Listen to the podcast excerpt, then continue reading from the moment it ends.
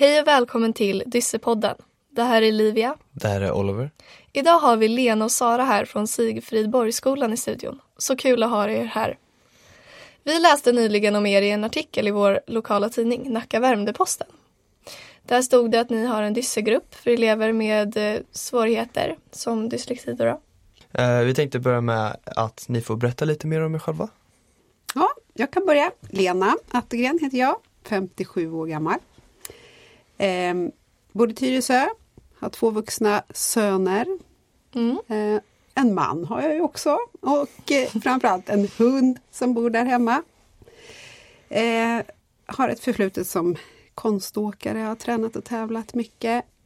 Konståkningstränare och idrottslärare. Så att eh, gillar att röra på, Mm. på fläsket tänkte jag säga. Och jag heter Sara Grill, 45 år, bor i Vändelsö, har också två barn, två döttrar. Eh, jag har också en liten vovve som snart fyller ett år. Eh, och eh, jag gillar hästar. Nu för tiden är det bara mina barn som rider, men jag har haft egen häst. Så att, ja, det är jag. Har ni själv dyslexi? Eller läs och skrivsvårigheter? Nej. Nej. Inte jag heller. Jag har faktiskt en mamma som helt klart skulle diagnostiseras som dyslektiker om hon Ja. gick i skolan idag. Men Mm. hon är ju över 80 år och Ja. då fick man inte dyslexi som diagnos. Hon har jättesvårt med stavning. Ja. Eh, men inte, inte någon annan, inte av våra barn och så. Nej. Eh, varför ville ni bli specialpedagoger? Och eh, vad är det bästa med att jobba i skolans värld? Alltså jag, eh, för att bli specialpedagog så måste man först vara lärare i minst tre år. Mm. Men jag kände redan eh, från början att det var just specialpedagog jag ville bli. För att jag brinner lite extra för de här barnen som har det lite tuffare i skolan. Ja. Och det var liksom mot låg och mellanstadiet som jag inte ville jobba. Mm. Så att jag eh, gick den eh, vägen genom att vara lärare och tyckte det var jättekul det också. Så att det blev fler än tre år som vanlig lärare. Okej, ja. Ja, för min del så var det ju faktiskt så. Jag är idrottslärare i botten. Så jag Mm. jobbade ju många år som idrottslärare och hade um, kulgympa eller lyxgympa med sådana elever då, som hade lite svårt motoriskt och sen så började man upptäcka att de har svårt i klassrummet. Eh, blev intresserad av ja, men hela barnet, vad kan man göra mer för dem? Och så på något vis så också en ganska besvärlig äldsta son när han var liten. som krävde sina utmaningar som liksom öppnade upp den världen kanske. Mm. Att man intresserar sig för de här barnen som, som har det knepigare och vad man kan göra för dem. Mm. Så då, då kände jag så här, nej nu vill jag in på en annan väg. Och utbilda mig då till specialpedagog för Ja. 15 år sedan. Hur ser en eh, vanlig arbetsdag ut för er? Ja, den, Ja, är, den är det- snabb. Ja men eller hur, ibland vet man inte ens om man, vad man åt till lunch. Eh, så kan det vara. Men vi har ju mycket undervisning med eleverna såklart. Mm. Eh, vi har samtal med lärare kring eh, anpassningar som man kan testa med barnen. Mm. Vi sitter och dokumenterar till exempel om man har jobbat med något åtgärdsprogram eller någonting. Observerar väl lite granna eh, elever i klass och så. Lästränar mycket med yngre barn, Mm. jag. För det är ju ofta där träningen av Ja. avkodningen sker så att säga. Ja. Mm. Men den är väldigt omväxlande ska jag säga, en skoldag Ja. för oss. Mm. Vilket också är väldigt roligt. Ja. Och hur, vi hörde nyligen att eh, skolan byggdes om. Just Berätta det. mer. Hur förändrades Precis. Ja, det var ju en, en skola som har växt jättemånga elever och vi växte väl i princip ur skolan. Mm. Mm. Eh, det byggs mycket i närområdet så att Mm. när jag började på Siggan, som vi kallar det här krångliga namnet för, Sigfridsborgsskolan, eh, så visste jag att man skulle bygga en ny skola. Och det tog ju Okej. sin lilla tid. ehm, det nästan två år de höll på att bygga och då var vi fortfarande kvar i de gamla lokalerna. Ja. Mm. Så det har ju varit så att skolgården har minskats och haft sina utmaningar. Men sen för ett och ett halvt år sedan så fick vi flytta in i de nya skollokalerna som är helt, Mm. helt nya helt enkelt. Mm. Gud Så en helt ny skola. Ja. Med eh, ja, en utmaning det också. Vad sitter, vad sitter i de gamla väggarna? Ja. Sån här kultur som, som gör att så här gör vi på den här skolan, kommer det automatiskt att flytta över i den nya skolan? Mm. Utmaningar med flöden, var ska vi gå, var ska vi stå och sådana saker. Men jättehärligt att vi har också fått våran fulla hela skolgård nu också. Verkligen. Hur många går i Sigfrid Bergsborgsskolan? Vi kan säga Siggan. Ja, Siggan, Siggan, Ja, säg Siggan. Hur många elever går i Siggan? Eh, drygt 760 ungefär. Och hur många av dem har dyslexi? Ja, vi satt och räknade på det du och jag Lena och det är 38 stycken.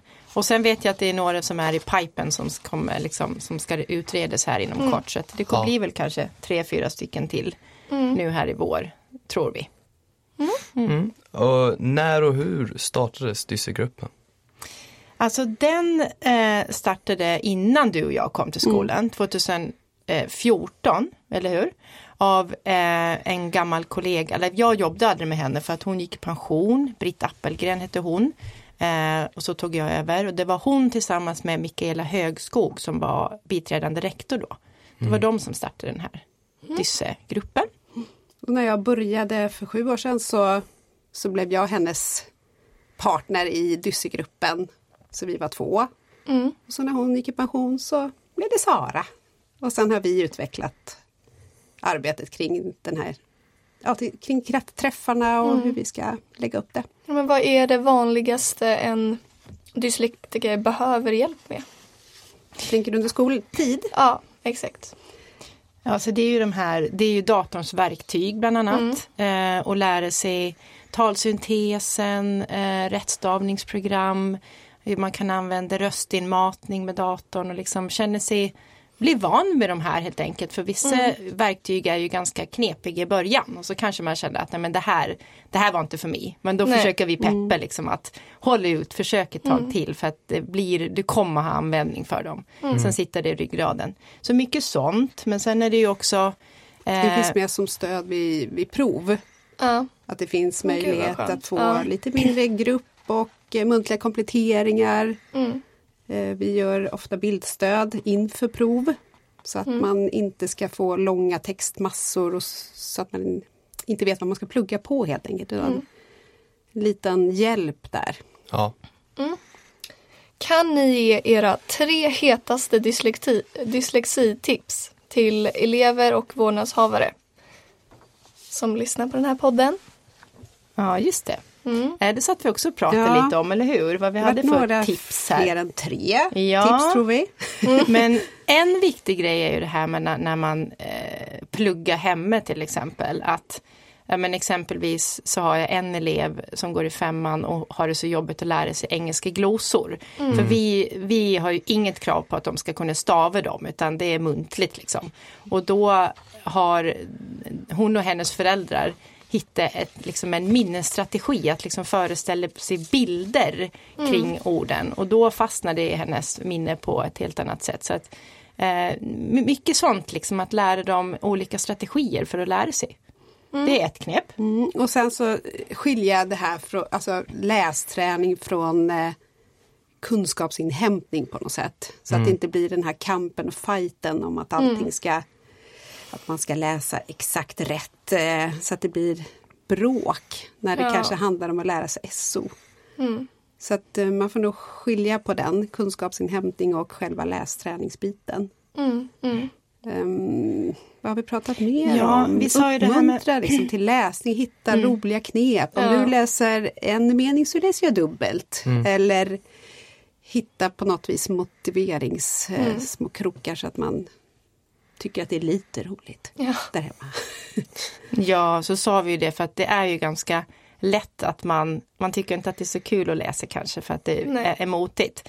Men att det då blir extra viktigt att föräldrarna läser högt för sina barn väldigt länge. Så Ja. att man liksom får ta del av liksom böckernas fantastiska värld. För att annars så blir man ju liksom exkluderad från det.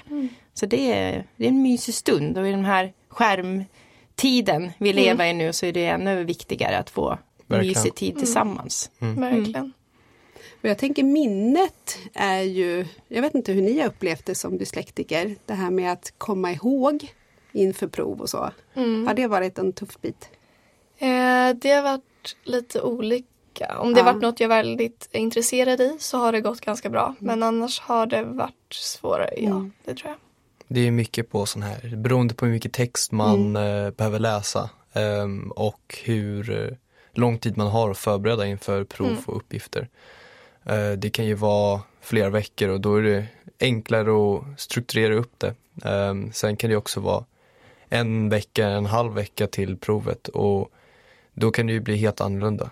Mm. Men jag kan nog prata för oss båda med att säga att vi kan nog inte läsa en bok och komma ihåg varenda. Nej, Varenda ord. inte. Nej, det är ju Nej. liksom inte bara avkodningen som Nej. är ett hinder vid dyslexi. Jag tänker att det är även hela den här Mm. minnesbilden, att komma ihåg vad det är som är viktigt och sortera ut vad det är som är Mm. viktigt i Mm. all den här textmassan. Mm. Mm. Utmaning. Nu skulle vi, vi vilja veta lite mer om er fantastiska arbete kring Dyssegruppen. Hur länge har ni själva arbetat tillsammans med Dyssegruppen eh, på Siggan? Ja, men vi konstaterar nog att det är sen jag började där och det är sju år sedan och sen är det sex år för dig då. Så. Ja, precis. Sex och sju år. Det börjar bli ganska länge nu. Ja, vad är tanken eh, med en specifik eh, grupp för dys- dyslektiska elever? Ja, alltså den främste tanken är att vi vill få bort stigmat kring, eh, kring diagnosen Ja. och att de ska liksom känna att jag inte är ensam. Eh, så vi har ju väldigt mycket fokus på eh, positiva saker till exempel. Det här med att man kan utveckla andra förmågor eh, på ett annat sätt som någon som inte har dyslexi ibland kan göra. Så mycket fokus på, på styrkor, Eh, och sen så är det ju mycket att man delger varandra tips och så vidare. Och sen Ja. kör vi ju mycket workshops och så eh, på de här träffarna. Där vi till exempel innan har, sist hade vi fokus engelska eh, på vår träff. Eftersom engelska kan vara lite halvbökigt för många.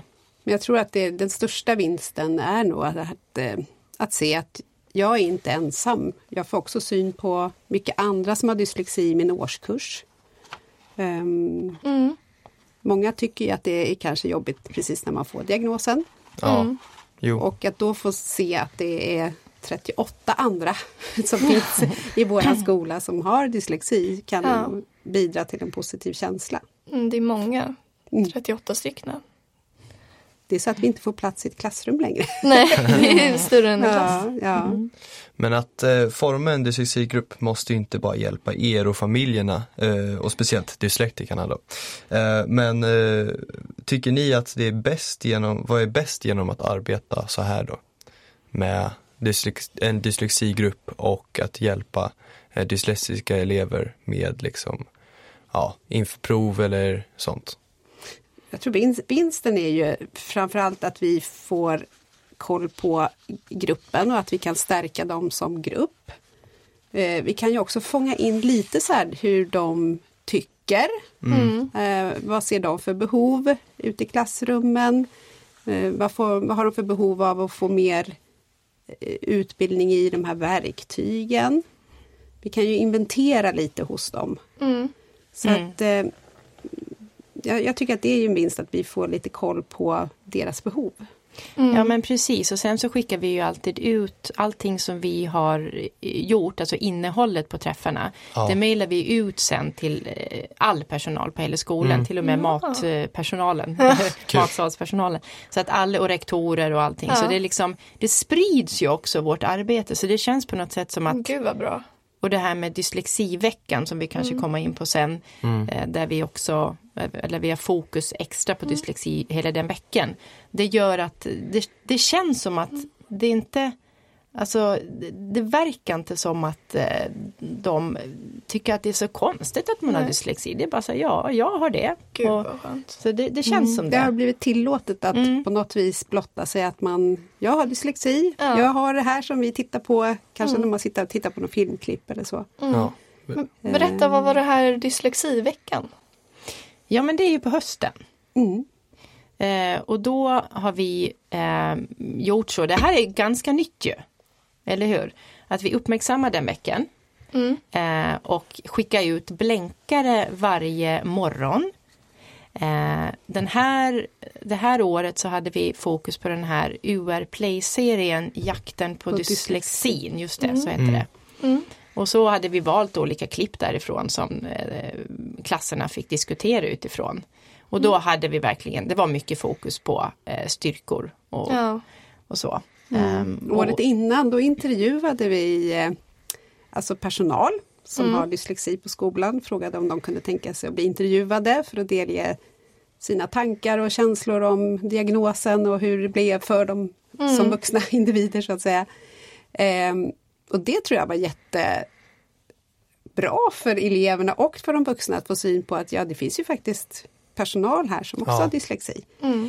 Ehm, och det var också ganska många barn som ville bli intervjuade men då fick vi ju börja tänka till så här att oj, vänta tag, man kan ju inte kanske, man kanske inte vill bli blottad Mm.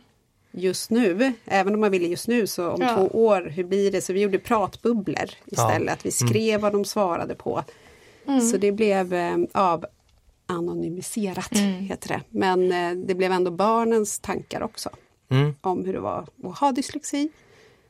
Så att det blev ju bättre än vad vi kanske hade tänkt från början. Ja, vi visste inte riktigt hur vi skulle lägga upp det med dyslexiveckan men det har ju blivit något som vi kommer fortsätta med. Mm. Jag tycker verkligen att eh, alla skolor borde ha sånt. Verkligen. Ja men det, det är toppen, det är vi Mm. stolta över faktiskt. Mm. Borde ni. Hur kommer man med er, i, i er dyslexigrupp? Ja men när man får sin diagnos tidigast i trean då Mm. eh, så blir man inbjuden när man går i fyran.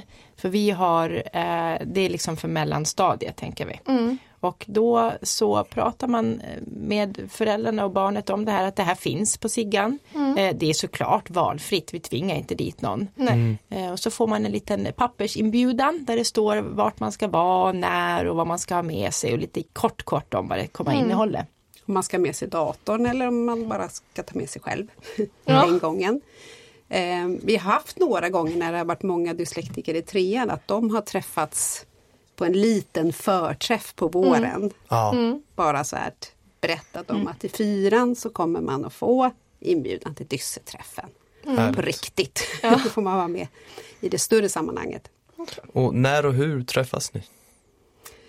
Vi träffas ju två gånger per termin. Mm. På höstterminen blir det ju en gång till för då har vi ju en träff även för föräldrarna. Ja. Så vi bjuder in dem en eftermiddag kväll. Mm. Ehm, och var, det är ju i ett klassrum har vi varit. Ett ledigt klassrum men nu är vi så många så vi får börja se oss över efter en annan lokal. Men ehm, ja, vi hittar helt enkelt ett rum som, som är ledigt och så bjuder vi in dem till det rummet. Ja. Berätta lite mer, vad gör ni på era träffar? Ja, vi har ju gjort en, en struktur, en planering utifrån de här fyra träffarna. Och då eh, brukar vi köra att vi, träff ett för läsåret, då pratar vi om eh, dyslexi, vad är det för någonting? Eh, vi brukar se liksom, korta informativa filmer kring dyslexi. Eh, och då, sen kommer dyslexiveckan därefter, så då kan vi ibland liksom höra oss för lite grann. Är det någonting speciellt som ni skulle vilja att vi tar upp? Ja. Så den, den här strukturen vi har är ju liksom lite flytande ju. Ifall att vi känner att vi vill liksom ändra om lite grann så gör vi det. Om det är något som är i ropet. Mm. Eh, träff två, den kallar vi, kallar vi för datorn, dyslektikerns bästa vän. Då är det mycket gnugg på verktygen. Eh, och det gör ju vi också löpande med de här eleverna som vi jobbar med i undervisningen också. Så det är inte bara på den, den här träffen. Liksom. Nej. Mm.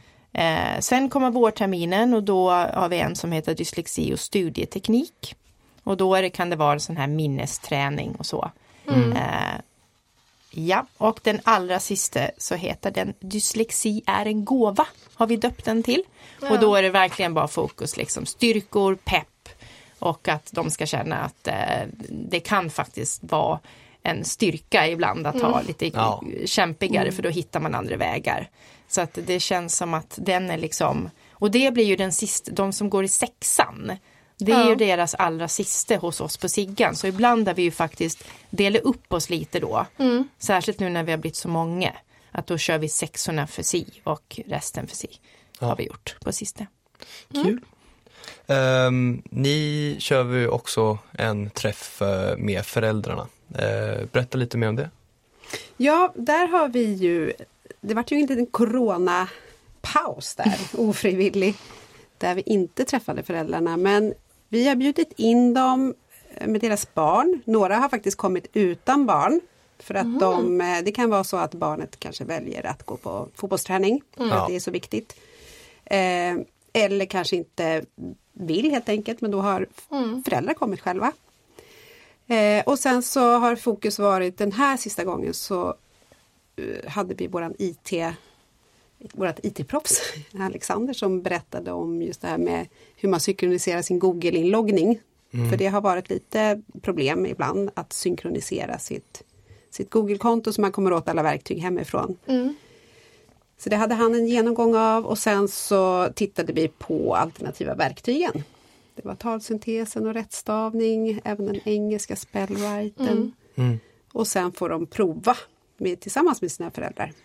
Ja. Så Eh, man får visa och eh, känna sig lite duktig. och föräldrarna tittar intresserat på och försöker att, Mm. att lära sig kanske en del funktioner. Är, är alla elever som har dyslexi med i den här gruppen? Alltså du tänker aktivt med. Mm. Alla är ju inbjudna. Ja. Eh, Det är ju så här att ibland så kan det ju vara så när man får dyslexidiagnosen att man inte kanske är redo att synas så att säga. Nej, Och mm. är inte helt positiv till kanske att komma till första dysseträffen. Mm. Eh, Men i de allra flesta fall så har det ju varit så att de dyker upp efter en tid. Mm. För att det kanske bara behöver landa, jag kanske behöver bli trygg i att jag har det och sen vågar jag vara med Ja. andra gången eller tredje gången eller så. Men vår erfarenhet är att de flesta kommer direkt faktiskt. Ja, det brukar faktiskt inte vara något problem. Nej. De tycker att det är roligt. Men och sen är det ju lite så här att man får lite frukt och ibland är det någon festis där och då, då lockar det lite liksom. Ja. här. Nej, men- men, nej, men alltså, jag tycker nog att de allra flesta har dykt upp. Och sen är det ju så här att vi försöker ju varva de här träffarna så att det inte alltid på en onsdag klockan 10.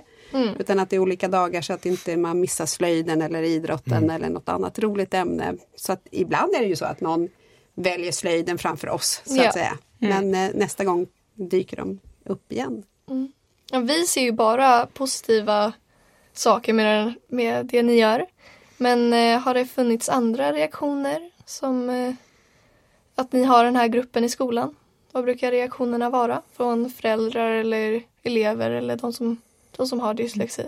Nej men vi, när, alltså vid de här eh, logopedåtergivningarna, när vi möts tillsammans med logopeden som har utrett barnet och föräldrarna och lärarna så brukar ju oftast de här logopederna säga att det är så fantastiskt på Siggan Ja. just att vi har de här dysseträffarna. Verkligen. och att det är lite unikt faktiskt, det Ja. brukar de ju säga.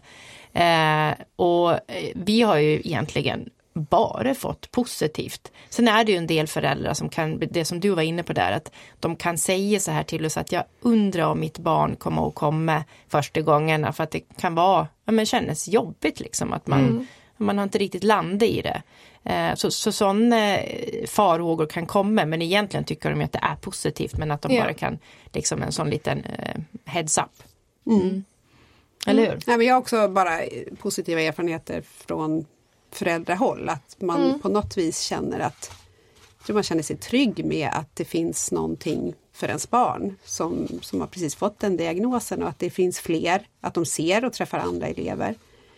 Ehm, det, är väl, det, det är väl egentligen bara det här med hur man som barn upplever att få diagnosen.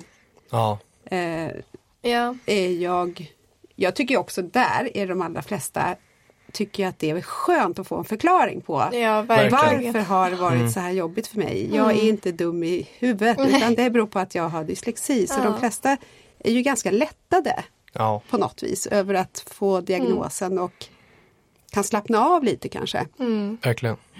Och det gör ju att de, ja, jag tror att de dras med och är positiva till dysseträffarna Mm. på grund av det. Sen finns det alltid barn som har lite jobbigt med det med att lämna klassrummet om ingen annan gör det och Mm. eh, ska det synas att jag har dyslexi Ja, men om jag går iväg. ut. Ja, Mm. eh, det är väl det som kan vara Mm. det som kan vara svårt. Men jag, jag upplever inte att det, det brukar på något vis lossna. Ja men faktiskt. De brukar ta sin dator i högsta hugg och så Ja. knatar de på liksom. Ja. Men vi tvingar aldrig någon att hänga på utan det är helt liksom. Sen kan man ju såklart om det är någon som, som inte är med så kan man ju kanske pusha lite inför nästa Ja. gång. Du, Jag tror du, ska du hänga med den här gången? Så, men det är helt liksom upp till dem själva. Mm. Ja. Vi, vi läste att alla skolor i Älta ska jobba på samma sätt med dyslektiker, vilket är ju helt fantastiskt. Berätta lite mer om det. Ja men det är ju, för vi är ju ett, ett rektorsområde Mm. i Älta där vi har en rektor. Och hon är vår, hon var rektor bara på Sigan tidigare. Så hon eh, vill ju ver- verkligen att det här ska sprida sig. Och vi ska ju nu starta upp sån här spessnätverk, alltså där vi specialpedagoger inom Älta rektorsområde ska ses. Och då är det här en eh, punkt som vi ska liksom prata utifrån. Så att det sprids till eh, till de andra skolorna. Så de får komma på lite studiebesök hos oss och så och kanske vara med på, något, eh, på någon träff och sen prata ihop oss. Men det är i alla fall ambitionen. Så. Mm. Ja. Och hur tänker ni kring, för tänk om liksom eh, alla skolor i Stockholm eller Sverige skulle ehm, ha samma grupp som ni har. Tror ni det skulle vara möjligt? Alltså rent teoretiskt skulle det ju vara möjligt. Ja. Om det finns någon eh, engagerad person på Mm. varje skola som, som tycker att det här är viktigt. Det kostar ju såklart lite tid och planeringstid. Verkligen. Någon måste prioritera det. Ehm, men möjligt skulle det vara. Tänker jag. Ja, det tänker jag också. Det kanske blir efter det här då. Efter den här podden. Ja, Eller hur? exakt. De är välkomna att höra av sig, så berättar vi. Ja. Ja, arbetar ni med Nacka kommun centralt med era idéer kring läs och svår, skrivsvårigheter?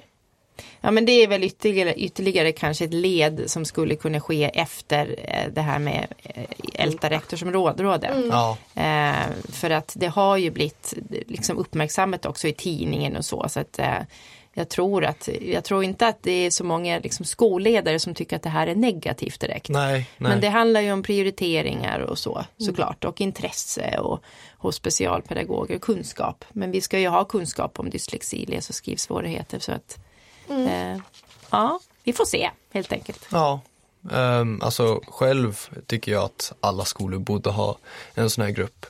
Ehm, det, det är ju liksom, det är ju, det är ju en eller två gånger per år som gruppen träffas och om man tänker efter är det inte super eh, liksom, tidskrävande för de flesta skolorna.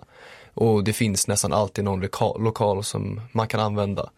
Eh, så jag tycker verkligen att hela Sverige borde börja tänka på att göra sånt här. Nej men vi ser ju bara vinster i det. Ja, Absolut. ja så är det. Men vi ses fyra gånger per läsår. att Fyra till och med? Ja, fyra. verkligen. Två per termin. Och, och så då med, Femte gången med föräldrarna. ja just det, så var det ju. Precis. Ja. Stort tack Lena och Sara för att ni har kommit till oss här idag i studion och ni har delat med er. Eh, vi hoppas ni som har lyssnat har fått eh, lära er eller höra en massa bra och att ni gillat vårt avsnitt. Om någon av våra lyssnare skulle vilja kontakta er, Sara och Lena, hur skulle man kontakta er bäst? Det är väl via mejl antar jag, eller? Ja, men det tror är jag. Till mig är det då lena.attergren nacka.se. Ja, och Sara? Jag heter ju Sara Grill, så då är det sara.grill Mm. nacka.se. Det är bara att mejla på. Ja, Trevligt. Ja. Tack till er som har lyssnat. Har du idéer på vem vi skulle kunna intervjua eller frågor, på, eh, frågor så kontakta oss gärna via hej fdb.se. Följ oss gärna på Instagram, Dyssepodden, och vi finns där poddar finns. tack för att vi fick komma. Tack så mycket. Mycket.